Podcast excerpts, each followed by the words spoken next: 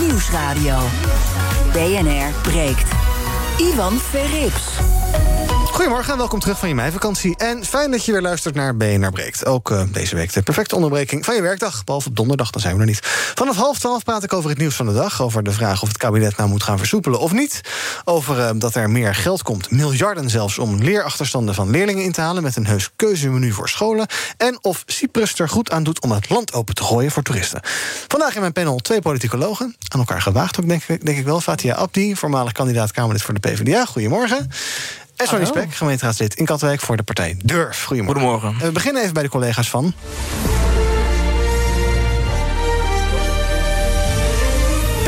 zie het als een open sollicitatie. Vanavond, vanavond zien we VVD-leider en oh ja, ook nog steeds premier Mark Rutte in Nieuwsuur.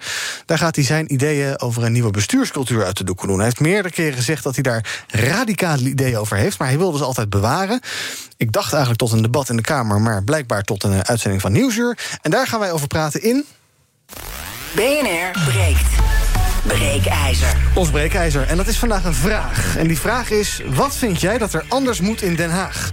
Misschien ben je wel helemaal klaar met de achterkamertjes. Is openheid het sleutelwoord? Of vind je dat ja, Mark Rutte de laatste is die kan afrekenen met de oude bestuursstijl? Immers, hij zit er al tien jaar. Hij stond er aan de basis van. Kan hij nog geloofwaardig daar afscheid van nemen? Het gaat niet per se over de vraag of Rutte premier moet blijven of niet. Maar vooral over het reilen en zeilen in Den Haag. En daar is Rutte natuurlijk ook de afgelopen jaren onlosmakelijk mee verbonden. Dus het gaat ook weer wel over Rutte.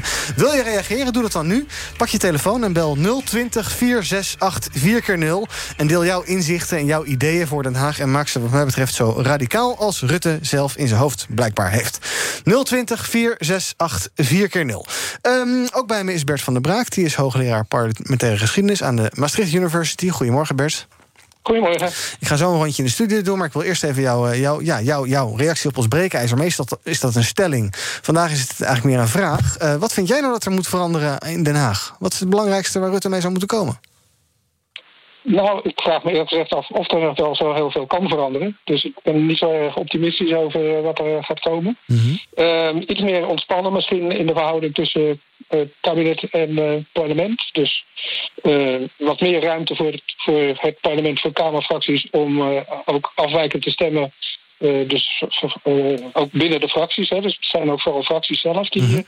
wat ontspannender moeten zijn met niet altijd stemdwang moeten uitoefenen.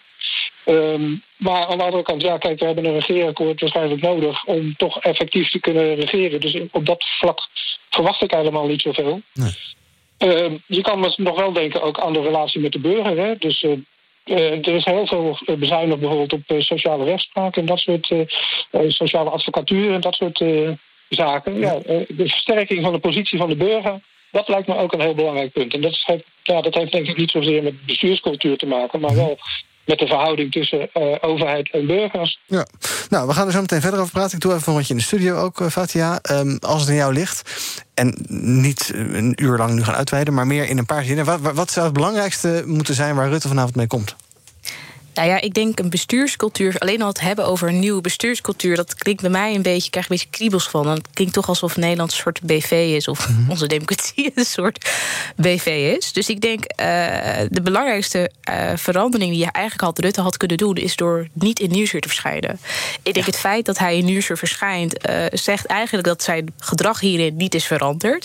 Ik denk niet dat Rutte inderdaad het enige is, een symbool is voor nou ja, hoe je het ook wilt duiden, of je het bestuurscultuur wil noemen of niet. Maar in ieder geval voor de verstoorde verhoudingen tussen de Kamer en de regering. En überhaupt, als je kijkt naar politieke partijen, hoe het daar intern aan toe gaat. Maar de belangrijkste verandering had kunnen doen, is door misschien eerst het Kamerdebat af te wachten. Ja. En dan misschien vervolgens naar media. Terwijl dit voelt toch als een hele.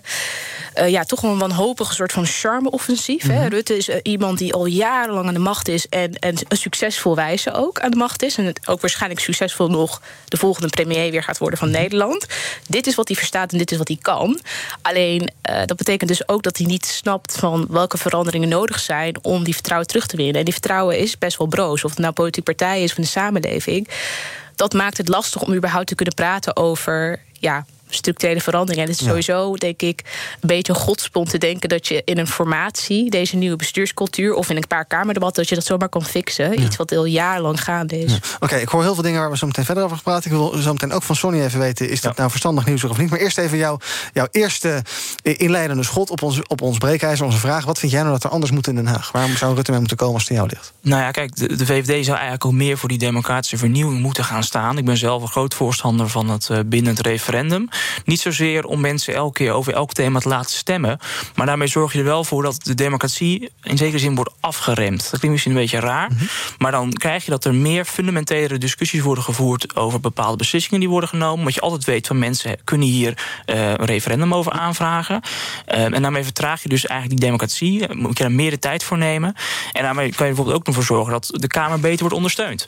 dat Kamerleden veel beter hun controlerende taak kunnen uitvoeren. Op dit moment hebben Kamerleden twee medewerkers tot hun beschikking. Daarmee moeten ze alles doen.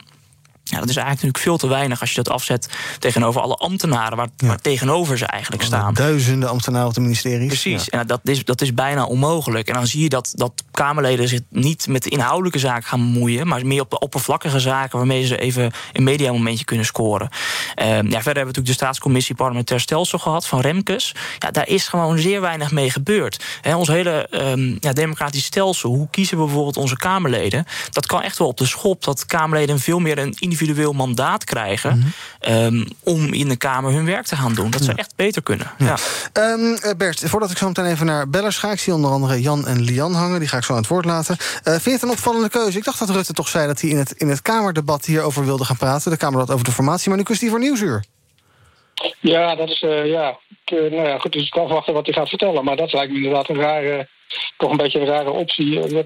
Het is een trend die we eigenlijk al veel langer zien. Dat allerlei dingen eerst in de media naar buiten worden gebracht en dan pas in, in de Kamer. Terwijl ja, de Kamer is toch het aangewe de aangewezen plek om dat ja. soort uh, dingen te doen. Ja, los nog even waar die mee komt. Maar... Sorry?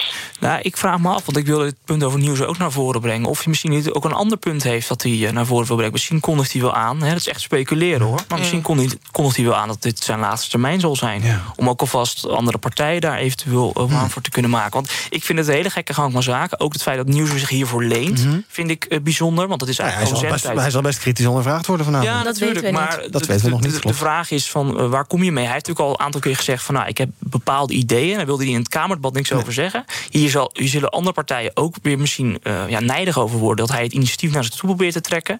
Ja, misschien zegt hij wel, jongens, dit is mijn laatste keer. We moeten nu door, het is crisis. Uh, dit en dit uh, wil ik gaan veranderen. Maar we moeten nu echt door. Ja. Ook om eventueel de druk op het CDA te verhogen. Want dat schijnt op dit moment met uh, ja, Pieter Omzicht ook niet, natuurlijk niet, niet goed te verlopen. Nee. nee. ik ga even een paar bellers aan het woord laten. Jan, goedemorgen.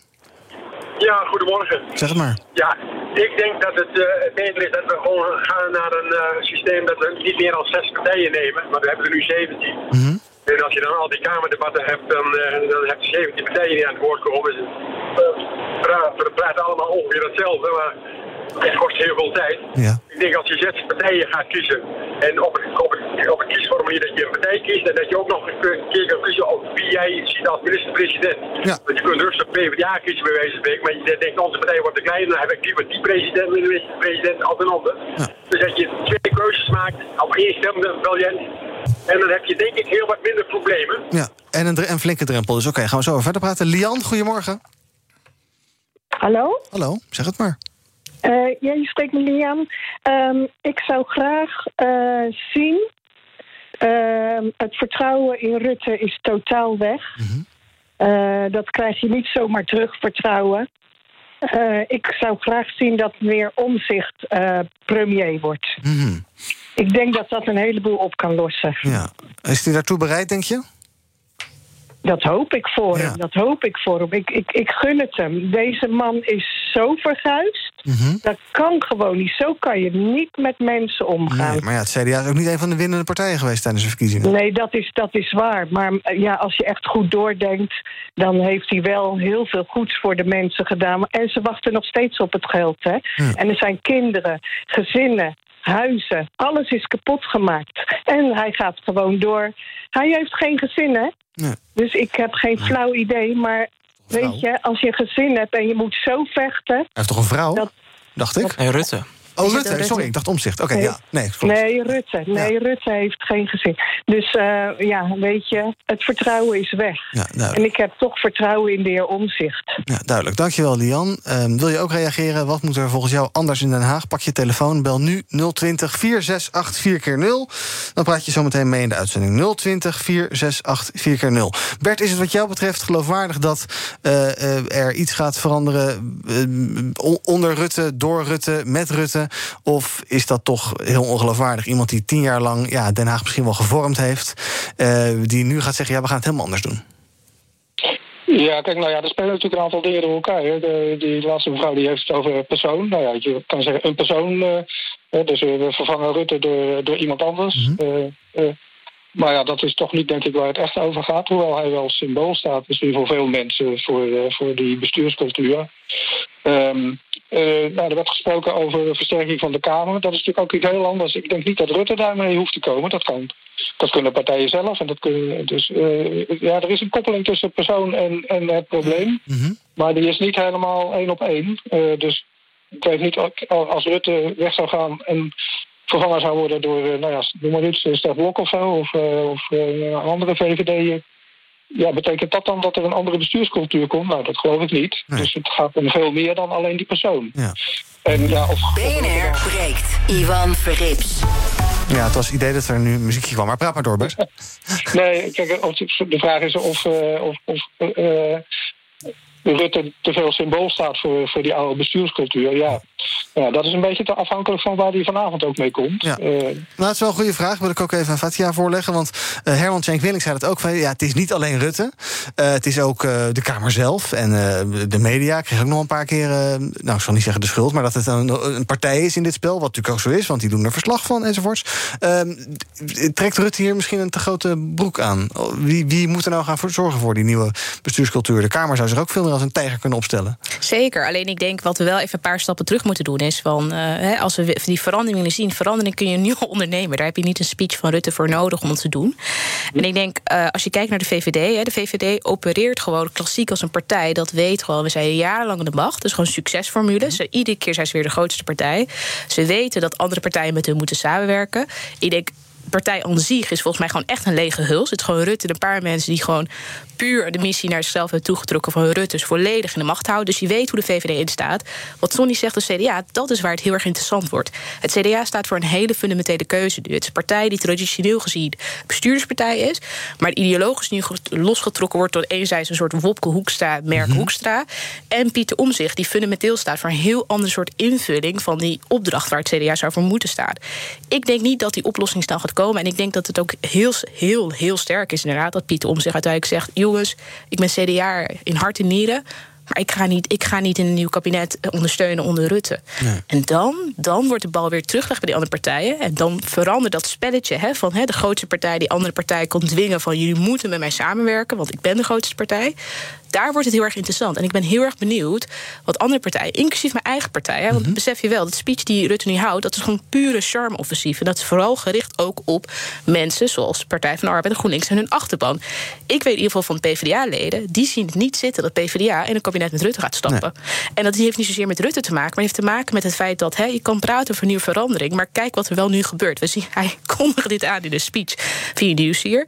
We hebben het over, hè, Bert had over de rol van de burger, vind ik een hele goede. Hoe hoe lang duurt het nu al als het gaat over toeslagenaffaire, hè, de afhandeling daarvan met de slachtoffers is schandalig. Weet oh ja, je wel? Maar, maar, moet, maar moeten PvdA en ook GroenLinks moeten dit dat dan nu ook niet al duidelijk naar voren brengen? Ik heb nou het idee dat het een beetje boven de markt hangt. Hè. Om zich laat ook niet echt van zich horen. Terwijl iedereen zoiets heeft van ja, dit kan eigenlijk niet. Maar ja, spreek het dan het nou Ja, we zitten wel nou in die coronacrisis. we moeten ook wel door. Ja, maar ik denk, sorry, ik denk dus, het is heel terecht wat je zegt, maar ik denk wat je nu ziet is voortdurend een soort escalatie. Hè? Dus, dus ik denk wat ze nu hebben weer te doen, nee, een soort van de, de, rust terug te brengen.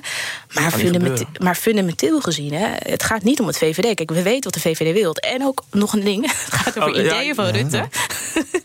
Rutte is niet een ideoloog, dat weten we. Dat mhm. heeft hij altijd gezegd. Rutte is geen Joris Voorhoeven of Ed Nijpels. Rutte is gewoon gewoon letterlijk zoals Lubbers. Ja. Gewoon zoals Lubbers. Dus die beweegt mee. Dus wat ik zelf zo pijnlijk vond, was toen tijdens dat functie debat. Ik, ik, ik was altijd op de basisschool toen Rutte werd verkozen tot met de grootste partij, met de VVD in 2010. Was ik op kamp. Ja. ik weet het nog heel goed.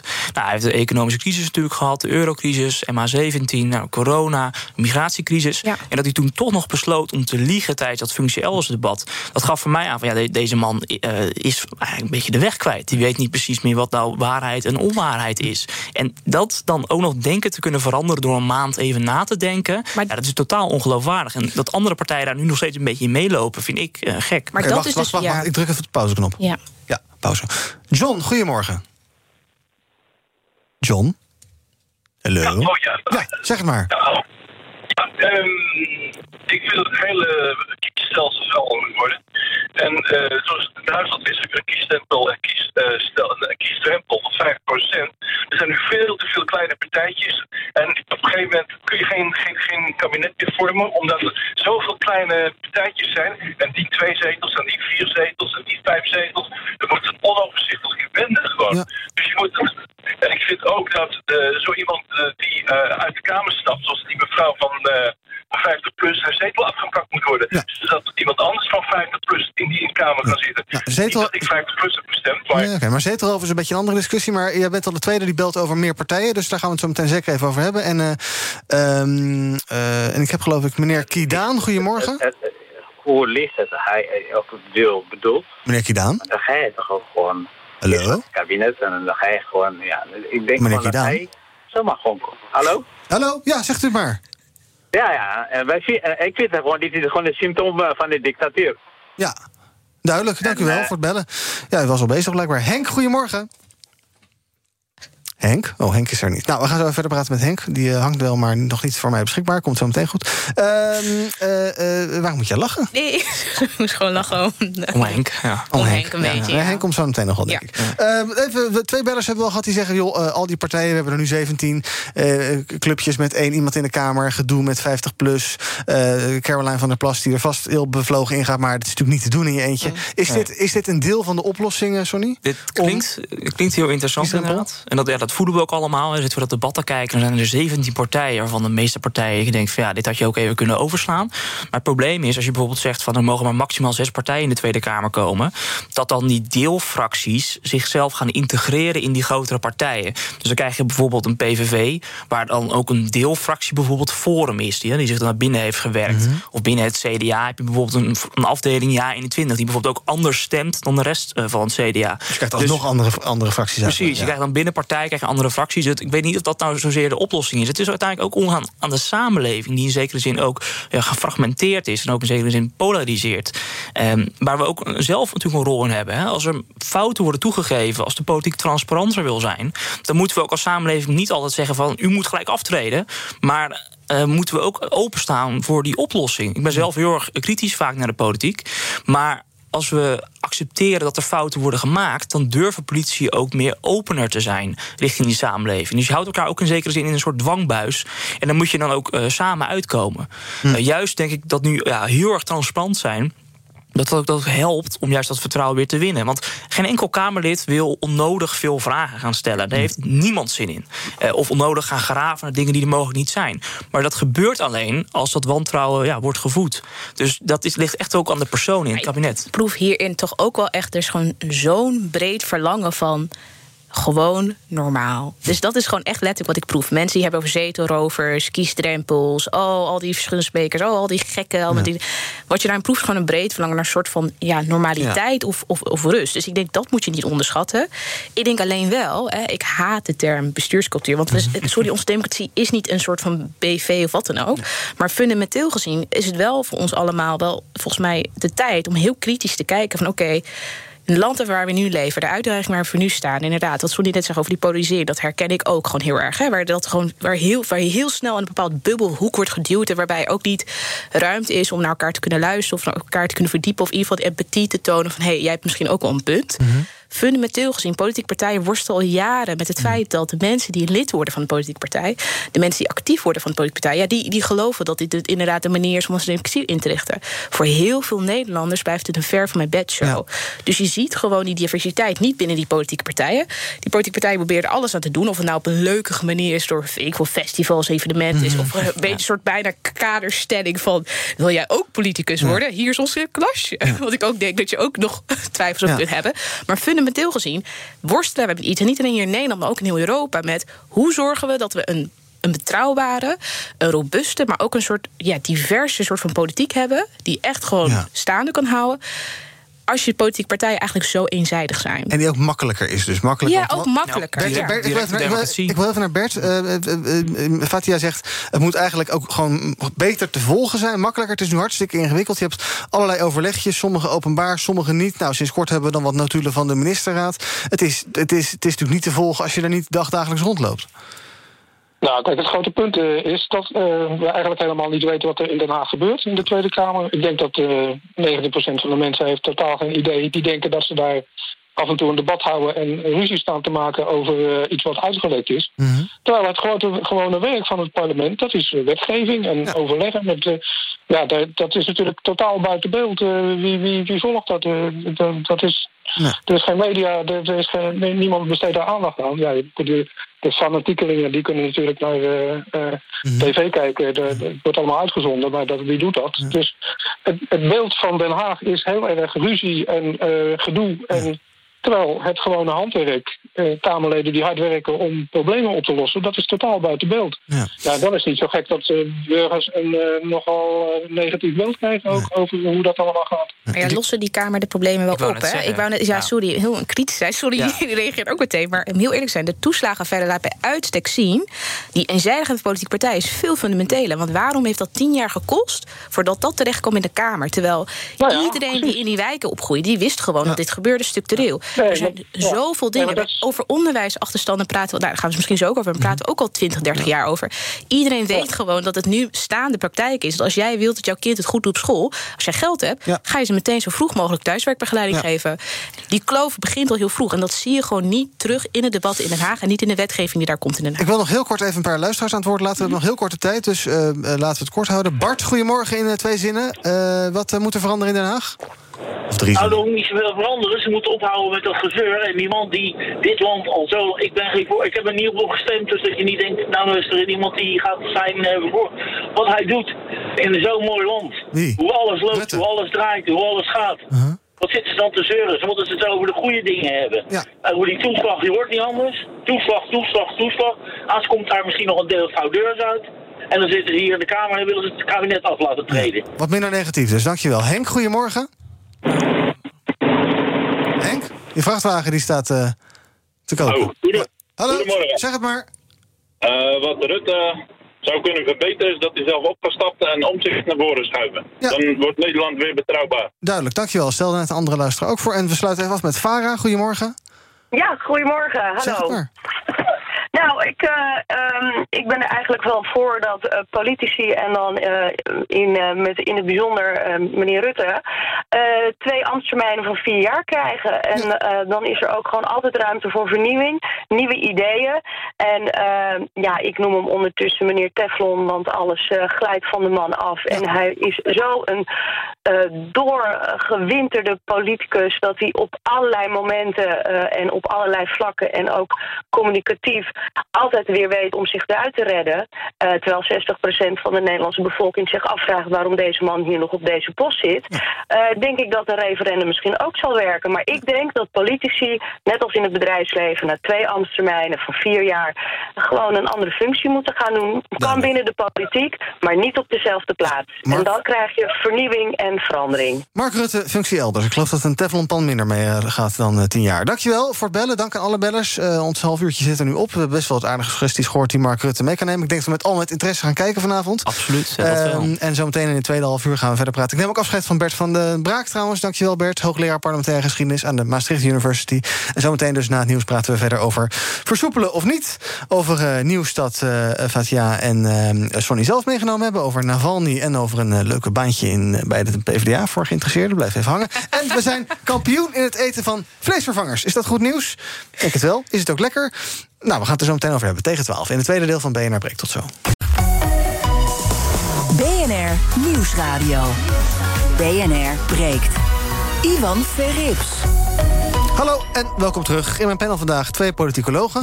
Ze staan wel een beetje aan een uh, andere kant als het gaat om kleur, denk ik. Maar dat maakt niet zoveel uit. Uh, Fatia Abdi is bij me en Sonny Spek. Letterlijk en figuurlijk. Ja, zo bedoelde ik het niet, sorry. Uh, maar ook letterlijk inderdaad. Maar ook qua politiek inderdaad. Uh, Fatia is verbonden aan de PvdA.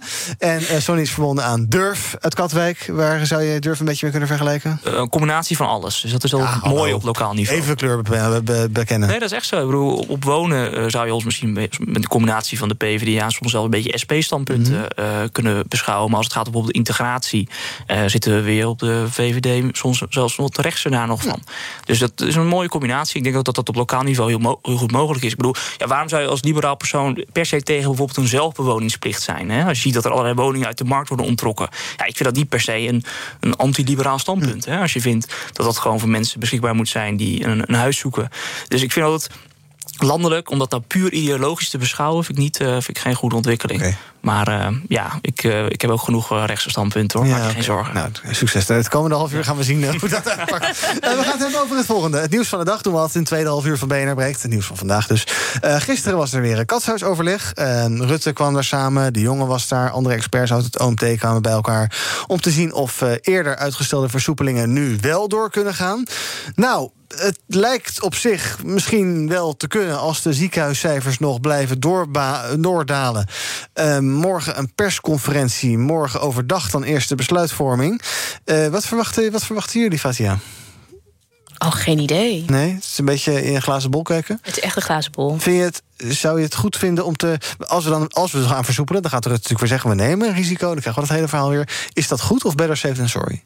Ik weet niet, maar ik voel, het voelt sowieso uh, ieder twee weken weer zo'n pijlmoment. Ja, ik weet niet. Ik vind dat gewoon een beetje heel erg ja, zo, ja, wat kan je erover zeggen? Ieder twee weken is er een soort pijlmoment. Ja. En ik denk wat ik belangrijker vind, uiteindelijk lange termijn, is dat mensen echt gevoel hebben: er is licht aan het eind van de tunnel. Mm -hmm. En uh, niet als er versoepeld wordt, dat ze dan zich afvragen: van goh, wordt het dan weer teruggedraaid? Ja. Weet je wel? Dat is, dat is iets wat ik in ieder geval merkte in mijn eigen omgeving. Dat mensen best wel een soort van. Beetje bang bijna. Nou, een beetje nerveus. En ook excessen. Dus met terrassie, die mm -hmm. mensen zo gewoon helemaal lam om zes ja. uur daarna gewoon op straat gaan. Mensen waarvan ik denk: zou je de normalitair ook doen? Ik denk ja. het niet. Dus nou ja, no judgment. Maar snap je, ik voel, het voelt wel alsof iedereen denkt: oké, okay, we kunnen eventjes nu dit doen. Mm -hmm. en dan, en dan, en dan, maar, want misschien wordt het teruggedraaid. Dus ja. ik denk dat ik zou zo fijn vinden als, we, als wij met z'n allen collectief dat achter ons kunnen laten. Ja, maar dat zal wel lastig zijn, zo'n denk ik. Heb jij het idee dat we, in, als we de corona als een tunnel beschouwen... dat we richting het licht gaan? Uh, ja, absoluut. Ja, kijk, ik heb, ben hier een aantal keer gezeten dat ik zei... van we moeten vooral niet versoepelen. Want toen zagen de cijfers er gewoon niet goed uit. Dat was uh, ongeveer halverwege april. Uh, op dit moment ben ik echt een stuk optimistischer. Hè. Je ziet dat de IC-opnames dat dat terugloopt. Je ziet dat de ziekenhuisopnames teruglopen. Ongeveer 30% heeft in Nederland al één prik gehad. Misschien merkt ook wanneer je omgeeft... dat er heel veel mensen de laatste tijd al een uitnodiging hebben gehad. Ehm, nou, er is van, van de week zijn er ongeveer 1,4 miljoen uh, vaccins binnengekomen. Voor mij um, in mei worden dat er nog eens 3,5 mm -hmm. miljoen. Uh, ja, als je dan een aanzienlijk deel van de bevolking hebt gevaccineerd, of in ieder geval één doos hebt gegeven voor het einde van deze maand, ja, dan kan je wel kan je gaan versoepelen. Ja. Want de meest kwetsbaren zijn gevaccineerd. Uh, het zijn ook uh, versoepelingen die vooral in de buitenlucht zijn. Uh, dus dat lijkt mij ja, echt mogelijk. Ja. ja. En hopelijk eind juni is er nog veel meer mogelijk. Ik, ja, ik ben op dit moment echt positief. het gaat voor mij voornamelijk om doorstroomlocaties. Ja, buiten dierentuinen, pretparken. Ook wel sportscholen, geloof ik. Ja, nou, daar, daar kom ik niet. Dus, maar dat is ook fijn natuurlijk voor die mensen. en musea musea bijvoorbeeld. Dus dat, dat, dat, dat is allemaal gewoon goed georganiseerd. Ja. Ik hoop ook dat, dat democratische instituten zoals de gemeenteraad weer fysiek kunnen vergaderen. Dat is allemaal digitaal. Dat werkt toch niet uh, helemaal 100%, vind ik. Maar ehm, ja, als je gewoon puur kijkt naar de cijfers en hoe snel het nu afneemt, je zegt van nou, over twee weken willen we dat gaan doen, dan denk ik dat dat uh, mogelijk is. Ook omdat nu die R-waarde, waar we natuurlijk allemaal van hebben gehoord, die wordt nu enorm gedrukt door het vaccineren. Um, ja, dus ik zie geen reden om hier heel erg eh, pessimistisch over te zijn. Ja, natuurlijk krijg je dan wel meer besmettingen. Dat is natuurlijk een nadeel. Hè. Mensen kunnen er ook bijvoorbeeld long-covid van oplopen. Um, maar ja, de, de, andere kant is uh, ja, ook positief. Ja. Dus uh, ja, ik zou dit keer het uh, wel uh, willen steunen. Ja, nu je het over long COVID hebt. Um, de ene um, heeft geen corona gehad. Ik heb geloof ik geen corona gehad. Andere mensen wel. De ene is dan na een paar dagen weer redelijk oké. Okay. Sommigen kunnen daar echt nog maandenlang klachten aan overhouden. En daar is nog best wel veel onduidelijk over. Over de oorzaak, over wat eraan gedaan kan worden. Um, vandaag een verhaal bij de NOS over bedrijfsartsen. Veel daarvan geven aan dat ze moeite hebben met het helpen van ja, werknemers die last ja. hebben van long COVID. En dat werkgevers dat ook niet altijd snappen. En dat werknemers zich daar soms ook een beetje verschamen. Van ja, ik ben eigenlijk beter, maar het gaat allemaal niet. Um, sommige artsen die twijfelen ook of die klachten eigenlijk wel met corona te maken hebben. Er is heel veel onduidelijkheid over. Um, hoe moeten we daarmee omgaan in de, in, de, in de komende tijd? Want er, gaan dus, ja, er zijn dus mensen die zijn maanden, hè, drie maanden, zes maanden, negen maanden. Ja, ik zal niet zeggen uitgeschakeld, maar die zijn uh, nog steeds uh, de, bek af, dood op van het hebben van corona. Nou, ik denk belangrijk dat heel veel erkenning voorkomt in eerste plaats. Want wat je wel inderdaad ziet, is gewoon dat heel veel mensen toch een beetje zich, ja, niet schamen, maar toch een beetje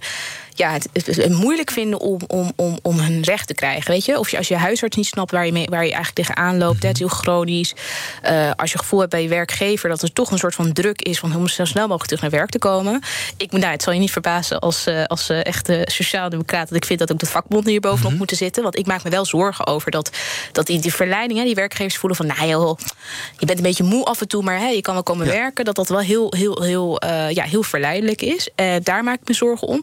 En ik denk ook, we weten gewoon heel weinig. Hè. We, ik denk wat, ik, wat ik bij mij totaal verbaasd heeft over die hele coronacrisis, is het is niet niks. Als je kijkt naar het aantal doden, als je kijkt naar het aantal besmettingen, als je kijkt gewoon de mentale, alleen al trauma die heel veel mensen zijn opgelopen tijdens de crisis, dat we toch zo sterke behoefte voelen van oh, even weer normaal, weer lekker normaal doen. Terwijl ik denk, nee, er is echt wel iets heel heftigs gaande. En ja. als jij je dat heel erg voor jezelf houdt, hè, dus uh, ik heb echt vrienden die gewoon zeggen van, joh, ik kom soms de trap niet op, maar die niet echt niet durven over te praten, want ja, je moet niet zo normaal doen, je nee. bent hartstikke jong, je bent hartstikke gezond. Ja. Daar meer erkenning van, ik denk dat heel belangrijk is. En ik denk echt oprecht, ik denk echt, uh, als je al niet lid van zo'n vakbond, sluit je aan. maar zorg er echt voor dat je, zorg er echt voor dat je hier bovenop gaat zitten, want met name mensen die gewoon misschien niet zich heel erg zeker voelen in hun baan, hè, of ze nou geen wel of niet een vast contract hebben. Ik, ik maak me om hun heel erg zorgen. Dat zij ze toch heel snel worden teruggeduwd in zo'n rol. Met het risico dat ze ontslagen kunnen worden. Ja. Omdat ze gewoon niet fit genoeg zijn. Ja, ja dat hoort gewoon volgens mij niet. Ja. Sorry, moet er extra bescherming komen voor kwetsbare groepen wat dat betreft? En extra ja, begrip, maar, maar erkenning. ook erkenning. Precies. Ja, er, er moet natuurlijk veel over worden gepraat. Ik weet nog aan het begin van de coronacrisis waren er regelmatig uitzendingen van de, van de NOS of de NOS. Uh, van ja, uh, feiten en fabels rond het coronavirus. Nou, je zou dat natuurlijk ook kunnen doen uh, rond dit thema. Van wat is hier nou echt over bekend? Want nou, ik voel me bijna ja van dit, zoals ik zeg, maar we leren elke dag. En er is gewoon nog heel, er is nog heel veel niet bekend over, over dit virus. Dus ja, ik denk dat wat meer uh, bewustwording wel goed zou zijn. Ja. ja. Maar ja, ik vind het ook moeilijk om in te schatten. Weet je, we weten ook niet precies hoeveel mensen er nou ziek zijn geworden in Nederland in mm. totaliteit. Hoe groot dit nou is, hoeveel impact het heeft. Uh, hoe, wat mogelijk te maken heeft met andere varianten, ook die ja. nog gaan komen. Dus ik, ik denk dat dit voornamelijk van die thema's zijn die ook door, door artsen uh, naar voren moeten worden gebracht. Ja. En ook misschien de vraag, ja, we weten gewoon nog niet alles. Dat nee. is ook gewoon een eerlijk antwoord. En goed, we nee. daar dus meer aandacht voor te hebben. Want je denkt, uh, he, ik, dit is niet een tekst van mij hoor, maar ach, het is een wat zwaarder griepje. En uh, je hangt even op de bank en een tijdje is het er klaar. Maar er zijn dus nee, mensen die daar maanden uh, aan lijden. En uh, ja. nou, daar moeten we misschien maar goed begrip voor hebben. Ehm, voordat ik zo meteen even naar Thomas van Zel ga, die gaat zo meteen vertellen. Oh, hij is er al, hè, Thomas? Of ah, weet je, gaan we gelijk naar Thomas, kom maar op. Ja, BNR. Helpt dus niet de uitzending. Ik denk dat dit. Hallo? Ja, ook technische vooruitgang is. Wat is er dan? Thomas? Oh, Thomas wordt iets anders, denk Moet ik nog op een knop drukken? Ja, dat moet wel, want hoor je hoort me niet. nou, iemand moet even naar Thomas toe lopen. Dan gaan we zo meteen... Dan gaan we, ja, gaan we ben wel benieuwd. Thomas maar dicht. Ja. Iets technisch. Dan gaan we eerst even over de vakantie praten. Um, want... Um, BNR breekt. De zomervakantie komt eraan. En daarmee dus ook de vraag of we wel of niet naar het buitenland kunnen deze zomer. Afgelopen vrijdag zei Mark Rutte dit over het uh, ja, coronapaspoort... waar nu hard aan wordt gewerkt. Wat je probeert te doen met zo'n pas is het makkelijker te maken. En ik hoop van harte dat het lukt. Uh, streefdatum is dat hij af zou moeten zijn op 21 juni. Eh, Maar er liggen echt nog een paar grote vraagstukken waar we het nog niet over eens zijn. Dus het kan ook zomaar na de zomer worden? In het ergste geval wel, maar we hopen daarvoor. En als het lukt om dat ding goed in de stijgers te krijgen, dan wil Nederland hem ook zo snel mogelijk invoeren. Dat ding dus inderdaad. Ehm, niet helemaal zeker of die in de zomer al klaar is. En waar je dus een groen vinkje kan hebben als je gevaccineerd bent of een negatieve test hebt. Nou, Cyprus wacht het allemaal niet meer af. Eh, ze gaan het daar aandurven om eh, toeristen te verwelkomen zonder quarantaineplicht. Je hebt er alleen maar een negatieve test nodig. Er zijn allerlei andere vakantielanden hè, die proberen ja, mensen te lokken. En die denken, ja, eh, die zomer komt eraan. Mensen moeten gaan boeken met die hap. Heb je daar begrip voor, Sonny? Of moeten we ook daar wel toch wel wat voorzichtig zijn misschien? Ik, ik heb daar begrip voor. En is maar- Cyprus leuk? Ik zou het niet weten. Cyprus, nou ja, we hadden het erover. Is het nou Noord-Cyprus of Ja. Cyprus? Maar ik ben er nog nooit geweest. En ik ga er ook niet in de nabije toekomst heen. Mhm. Dat zal ik alvast even weten. Maar Mario Draghi heeft eh, gezegd gisteren... dat ze ook het Italië willen openstellen voor eh, toeristen. Eh, ja, Spanje, Portugal, Italië, Griekenland... die zijn hier eh, grotendeels ook economisch van afhankelijk. Dus het is logisch dat zij een land gaan openstellen. En heel eerlijk... Ik, eh, veel mensen zeggen van ja, dat de tweede golf begon vorig jaar in de zomer. Mhm. Maar de vorig jaar zomer was er natuurlijk ook vrij weinig aan de hand en hebben ook heel veel mensen gereisd. Eh, dus in zekere zin, nu met in combinatie met die vaccins, zou het ook mogelijk moeten zijn. En ja, ik vraag me af of die Zuid-Europese landen echt gaan afwachten of er zo'n coronapaspoort gaat komen. Ze zijn hier gewoon veel te afhankelijk van. Dus misschien zeggen ze op een gegeven moment ook al van nou ja, kom maar, als je uit Europa komt, is het prima. Eh, we hebben een hoge vaccinatiegraad. Dat is wel in ieder geval iets waar ik op hoop. En ik, ja, ik hoop ook natuurlijk ook gewoon op vakantie te kunnen gaan. Ja.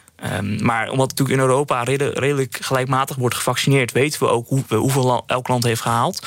Eh, ja, dat zou eh, in juli echt wel mogelijk moeten zijn. Fatia, wat zijn jouw verwachtingen als het om de zomervakantie gaat? Heb je, wat heb, je, wat, wat voor, heb je er ideeën al bij wat je zou willen of zou kunnen? Of zeg je, joh, ik zie het wel? Limburg. Nou, ik denk dat ik vooral wil gaan zwemmen. Ik heb echt zoveel zin om te gaan zwemmen. Dus ik denk dat ik dat vooral ga doen. ik denk ook niet dat ik naar buitenland ga. Daar merk ik ook wel echt een verschil in mijn vriendengroep. Ik heb echt mensen die zeggen... oh, ik kan niet wachten, weet je wel. En die willen nou Portugal of zelfs nog verder. Hè. Ik denk dat ik gewoon lekker in Nederland blijf. Ik denk Ja. niet dat ik echt, eh, dat ik echt heel bewust eh, naar het buitenland ga of zo. Misschien wel, de, de, wel zijn vrienden hè, in België en Duitsland. Maar ja, zo wild. Ja, ja, wild. Ik heb ook niet een rijbewijs. Dus ja, ik ben ook afhankelijk van de openbaar vervoer. Maar nee, oprecht, ik denk dat het heel verschillend is. Ik denk dat het daardoor ook een beetje een rare zomervakantie gaat worden. Maar ik hoop inderdaad wel, dat heeft ook weer te maken met een stukje perspectief... dat mensen het gevoel hebben van, hé, kan eindelijk een vakantie boeken. En zeker in Nederland zijn we geobsedeerd met vakantieboeken... ver van tevoren. Ja. Dus ik denk dat dat wel eh, flink gaat gebeuren. Ja. Heb jij de vrees dat eh, eh, allerlei landen eigen regeltjes gaan invoeren... en dat ze inderdaad zo'n vaccinatiepaspoort... dat ze mevrouw von der Leyen niet gaan afwachten? En nou, Cyprus nu en inderdaad ja, landen als Spanje en Italië... die willen toch ook dat jij en ik heel graag weer komen? Nee, niet zozeer. Ik denk, nee, nee, ik maak me daar niet echt heel druk om. Nee. Ik denk het wel, maar ik denk niet dat het iets negatiefs is. Ik denk dat die landen gewoon hun eigen co- conclusies trekken. Misschien zelfs is het in die landen ook wel veiliger dan in Nederland. Hè, want in Nederland zijn er relatief veel besmettingen. eh, ook eh, het afgelopen jaar geweest. Dus ik denk dat die landen wel daarin ook hun eigen verantwoordelijkheid nemen. Want het gaat gewoon om hun eh, toeristische sector, die voor hun heel belangrijk is. Eh, dus het is ook niet, het is ook niet gek om, om in juni of juli te zeggen van nou ja, kom maar. En misschien is het ook een idee om in Nederland eh, een vaccinatiebewijs eh, makkelijker eh, mee te geven. Om eh, ja, op, misschien ook op een ouderwetse manier te doen met een eh, vaccinatieboekje. Goed, we gaan nog een poging doen. nog een keer Thomas van Zelf van Zaken doen. Thomas? Hallo? Iwan? Ja, nu wel. Ik ben benieuwd wat jij zo meteen om 12 uur gaat doen. Maar eerst even voor de luisteraars die eh, vorige week vanwege de vakantie niet geluisterd hebben. Er wordt verbouwd bij ons op kantoor. Daarom zitten wij Ja, in een soort ik klein... doe even de deur open, want het ligt er nu echt niet om hoor. Er wordt eh, gezaagd. Ik heb vrijdagmiddag nog eh, gevraagd, is het heftigste nu achter de rug? Ja. Ja. ja, nee, vanaf nu hoor je eigenlijk niks meer van die verbouwing. maar goed. Ja, nou, er wordt hier dus verbouwd. En daarom zitten wij in een klein studiootje hierboven. Eh jij bent nu even beneden. Maar hoe staat het ervoor? Ik geloof dat de hele receptie ontruimd is. En, Ik zou, ik zou bijna niet meer herkennen dat ik eh, bij hetzelfde bedrijf werk. dat is ook- Waanzinnige metamorfose. Ja, dat is ook de bedoeling. Ik geloof dat er allemaal marmeren leeuwen voor terugkomen. En diamanten kroonluchters en koffiebarretjes met Nou ja, havermelk. en, en, eh, heel, veel, eh, heel veel technologische vooruitgang, waardoor ik nu via een app met jou moet bellen terwijl Oh ik in een professionele radiostudio zit. The future is now. Wat heb je zo meteen in zaken doen? Zeg het maar. Ehm te gast is Mark Wetsels. Hij is verbonden aan de investeringsmaatschappij Egeria. En investeringsmaatschappijen, nou ja, die hebben een, eh, bij velen nog bedenkelijk imago, maar ze zijn wel belangrijk, want zij eh, stoppen hun geld in bedrijven die het goed kunnen gebruiken. Zoals bijvoorbeeld uh, in het geval van Egeria, de laatste prooi, was Fletcher, bekend van de hotels.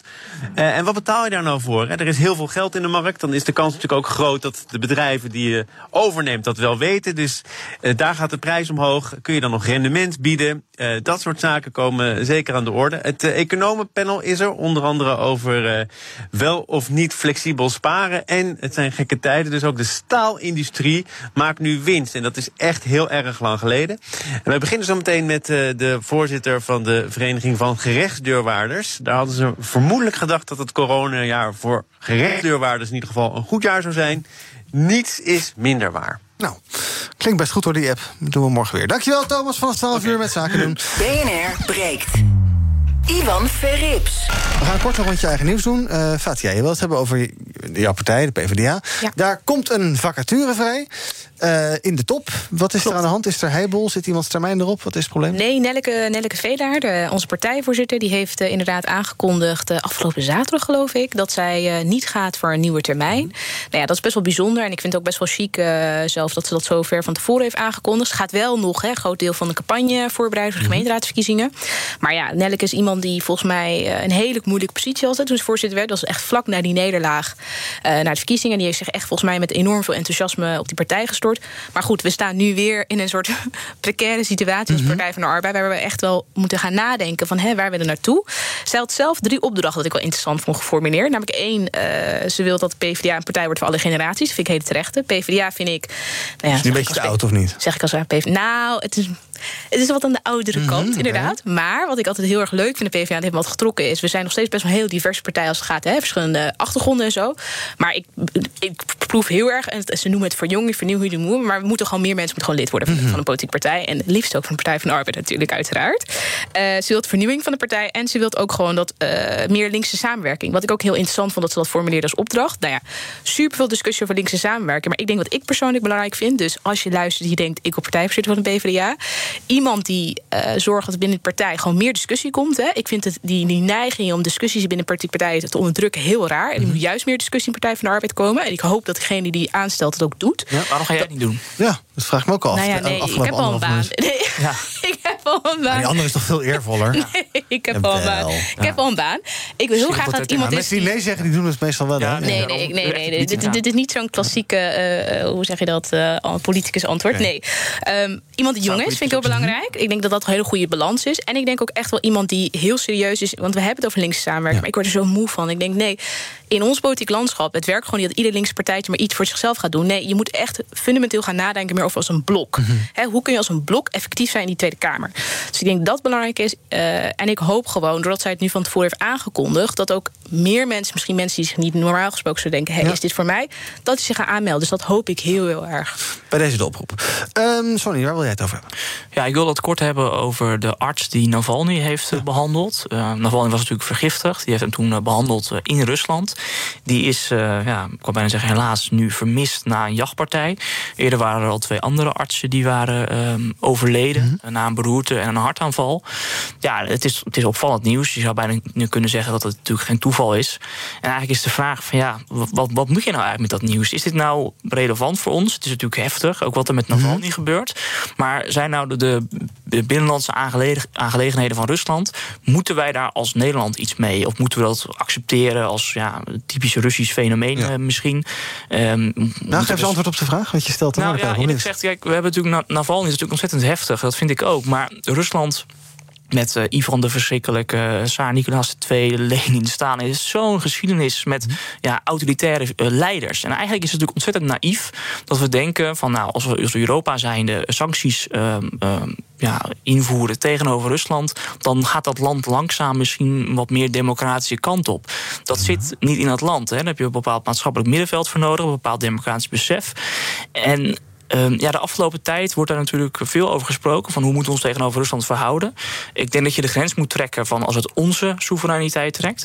Maar eigenlijk wat er in Rusland gebeurt, ja, daar kunnen we natuurlijk gewoon vrij weinig mee. En dat moet je misschien Ja. ook. ja, maar je kan, dit ook, je kan dit ook niet onbeantwoord voorbij laten gaan, toch? Dat daar, dat daar een oppositieleider eh, wordt vergiftigd... en dat zijn drie artsen, nou in ieder geval twee er dood zijn... en eentje nu vermist is. Je kan moeilijk zeggen, ach ja, dat is een Russische binnenlandse aangelegenheid. Helaas, succes ermee. Maar eh, dat zeg je inderdaad. Maar uiteindelijk is de realiteit wel dat Rusland de afgelopen jaren steeds meer op dat pad is gaan, Mhm. gaan lopen. En ja, wat, wat moet je dan doen? Hè? Helpen sancties dan om dat land dan het rechte pad op te trekken? Sancties zijn vaak wel vrij effectief.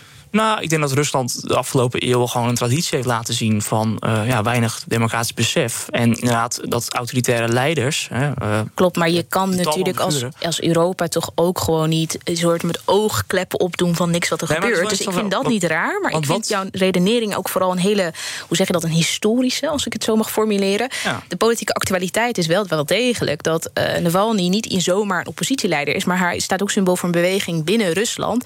En ook breder gezien, hij staat ook gewoon voor democratische vernieuwing. Nou ja, je hoeft er niet mee eens te zijn. wat maar is dan dat je je als doel? EU je daarover uitspreekt. Nee, de sancties is het doel. Je geeft een signaal of je zegt, er zijn niet onze waarden. En ik maar- denk, daar gaat het ook om. Het is ook een strijd tussen een soort van bepaalde normenwaarden die je ophoudt over het idee van democratie. En dat gebeurt trouwens niet alleen in Rusland, dat doen we ook binnen de EU. Hè? Dus vergeet dat ook niet. Nee, maar ja, dat vind ik wel interessant. We hebben tal van landen waar we gewoon handel mee drijven... die ook, eh, laten we zeggen, de democratische waarden geen warm hart toedragen.